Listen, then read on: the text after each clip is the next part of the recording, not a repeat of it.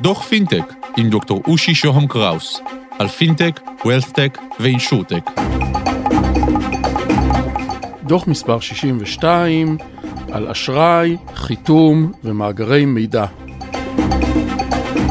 שלום וברוכים הבאים לדוח פינטק, כאן דוקטור רושי שוהם קראוס, אנחנו קצרים ודחוסים, אין לאף אחד מאיתנו עודף זמן. והיום בדוח, על חיתום חדש, מאגרי מידע ובינה מלאכותית, על הקו ערן וולף, מנכ"ל מימון ישיר. ערן, שלום ותודה שאתה איתנו. תודה לך ושמח להיות כאן.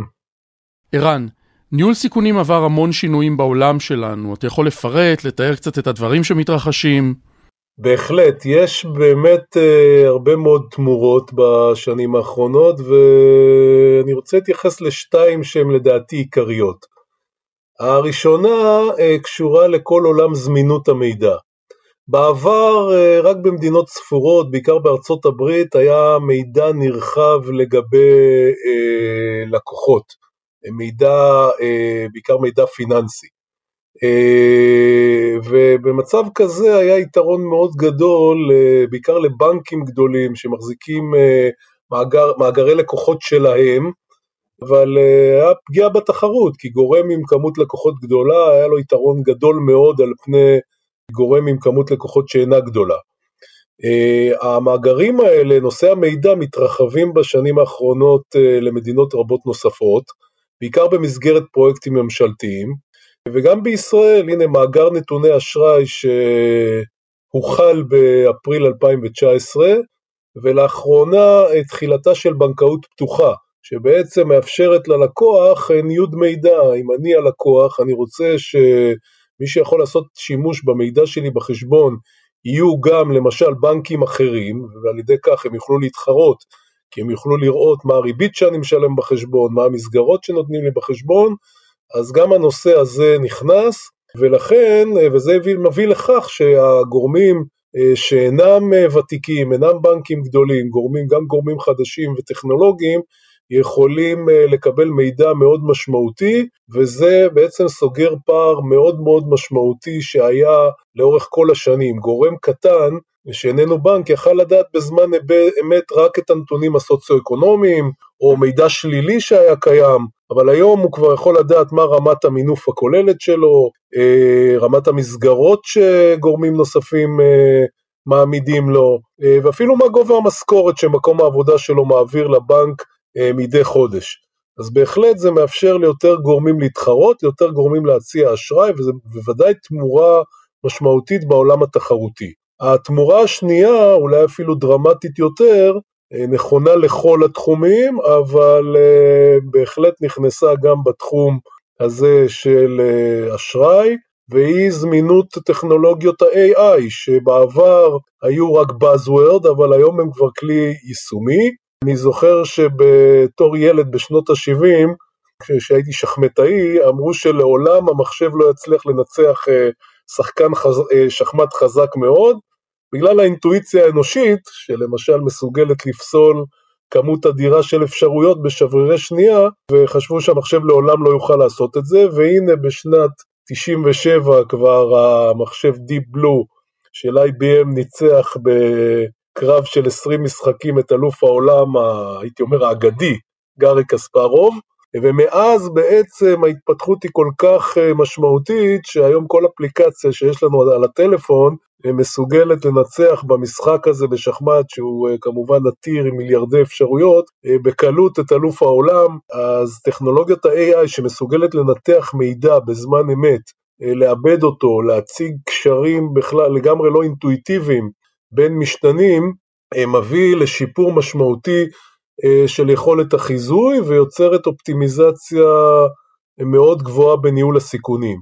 ככל שהגורמים הם יותר משוכללים ברמת המידע וביכולת לנתח את המידע, הם, אה, הם בעצם יוצרים אה, יתרון על פני גורמים אחרים, ובהחלט מבחינה תחרותית ומבחינת הצרכן אלה התפתחויות מאוד משמעותיות. כמובן שכנגד כל דבר כזה יש תמיד את שאלות הפרטיות, מה גורם שמציע לנו יודע עלינו, כמובן שהנושא הזה גם עליו צריך לתת את הדעת בכל ההקשרים האלה. ערן, איך הדברים האלה משפיעים על כל עניין החיתום? כפי שאמרתי, ככל שיודעים יותר, אפשר אה, להיות יותר אופטימלי בחיתום. אני יכול לתת דוגמה אה, פשוטה ודוגמה מהחיים, שכתוצאה מהחוסר במידע, אה, אז לדוגמה אשראי סולו, אשראי שהוא אשראי ללא בטוחה, אשראי לכל מטרה. פונה לקוח לאתר האינטרנט של מימון השיר וביקש הלוואה לכל מטרה.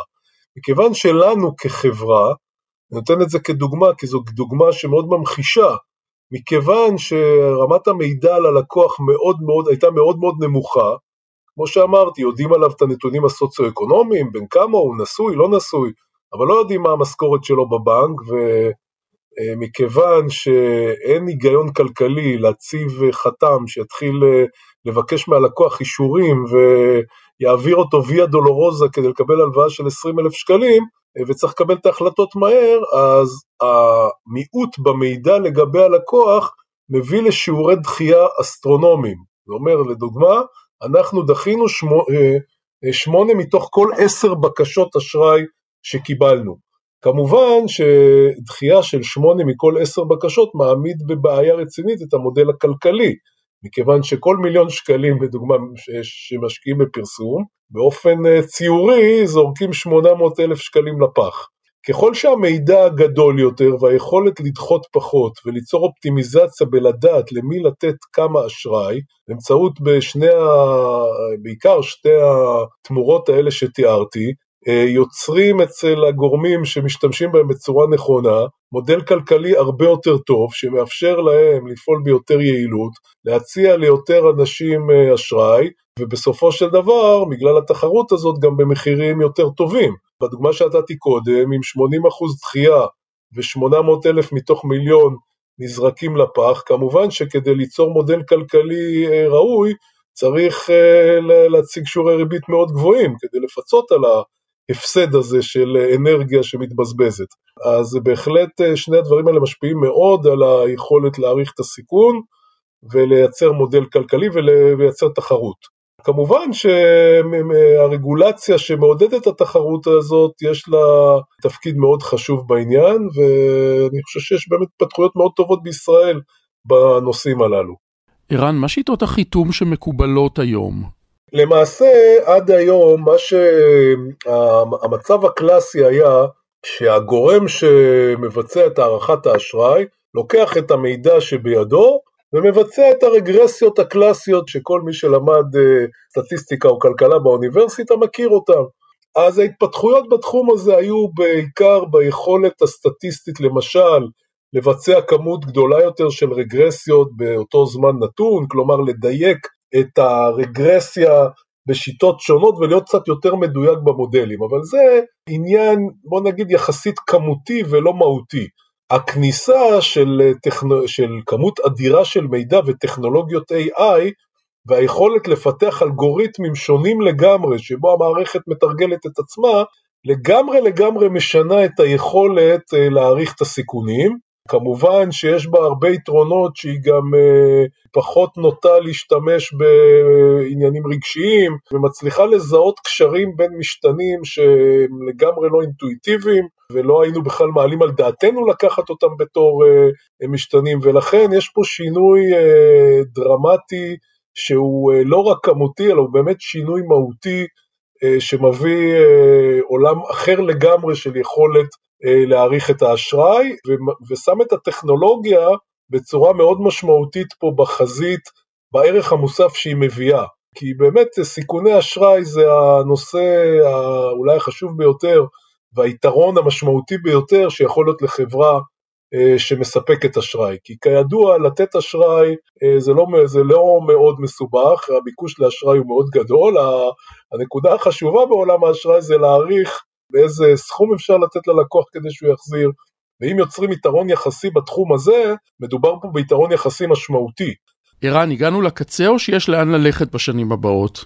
תשמע, בעולם הזה שאנחנו מדברים עליו, בעולם של AI, המציאות הם, אה, עולה על כל דמיון. כלומר, אה, כל הפעולות האלה של Machine Learning ו-AI אה, יוצרות דברים שאנחנו סביר להניח שכרגע אנחנו לא מסוגלים להעלות על דעתנו לאן זה מגיע, וזה באמת אה, מהפכה, כבר מדובר על זה כמהפכה אה, של השנים האחרונות, והיא מהפכה כנראה דרמטית בכל התחומים, אבל בעולם הזה של האשראי, אני חושב שעומדים לקרות פה דברים אה, כנראה מאוד משמעותיים שאני אפילו לא יודע לחזות אותם. זאת אומרת, אתה נכנס פה לעולם שהמוח האנושי הוא באופן אינטואיטיבי קשה, קשה לו מאוד לנתח אותו. אם אה, גוגל מצליחה לייצר אה, אלגוריתמים שמצליחים להיות אלופי עולם במשחק מסוים תוך כמה שעות, אז כנראה שיש פה יכולות מעולמות שלא הכרנו וקצב התפתחות אה, אה, דרמטי. בסופו של דבר המידע היבש, ככל ש... עד כמה שתיארתי שיש גידול במידע היבש, בסוף המידע הזה אה, יהיה בידי כולם. כלומר, מאגר נתוני אשראי מביא את אה, כל ההלוואות שכל אחד מאיתנו קיבל, האם הוא כן החזיר, הוא לא החזיר, איזה מסגרות יש לו, אפשר יהיה לראות את המשכורת שלו, אוקיי, יש התקדמות משמעותית, כמו, כמו שתיארתי קודם, בהיקף של המידע. אבל הדבר המשמעותי באמת זה היכולת לנתח בצורה מתוחכמת או אולטרה מתוחכמת את המידע הזה ולהסיק מסקנות אה, מאוד מאוד מפתיעות לפעמים. ואני חושב שפה יכולה להיות התפתחות אה, שתשנה את התמונה לגמרי לטובתם של הגורמים שמשתמשים בטכנולוגיות, משתמשים בצורה טובה בטכנולוגיות האלה. ערן וולף, מנכ"ל מימון ישיר, תודה שהיית איתנו. תודה לך, אושי. עד כאן על קצה המזלג, ניפגש בדוחות הבאים, תוכלו להשיג אותי בוואטסאפ 050-8898322, במייל אושי את אושי.co.il, בלינקדאין שלי באנגלית, דוקטור אושי שוהם קראוס. תודה לרון טוביה, עורך הפודקאסטים של גלובס, ולקווין מקלוד על מוזיקת הפתיח להתראות.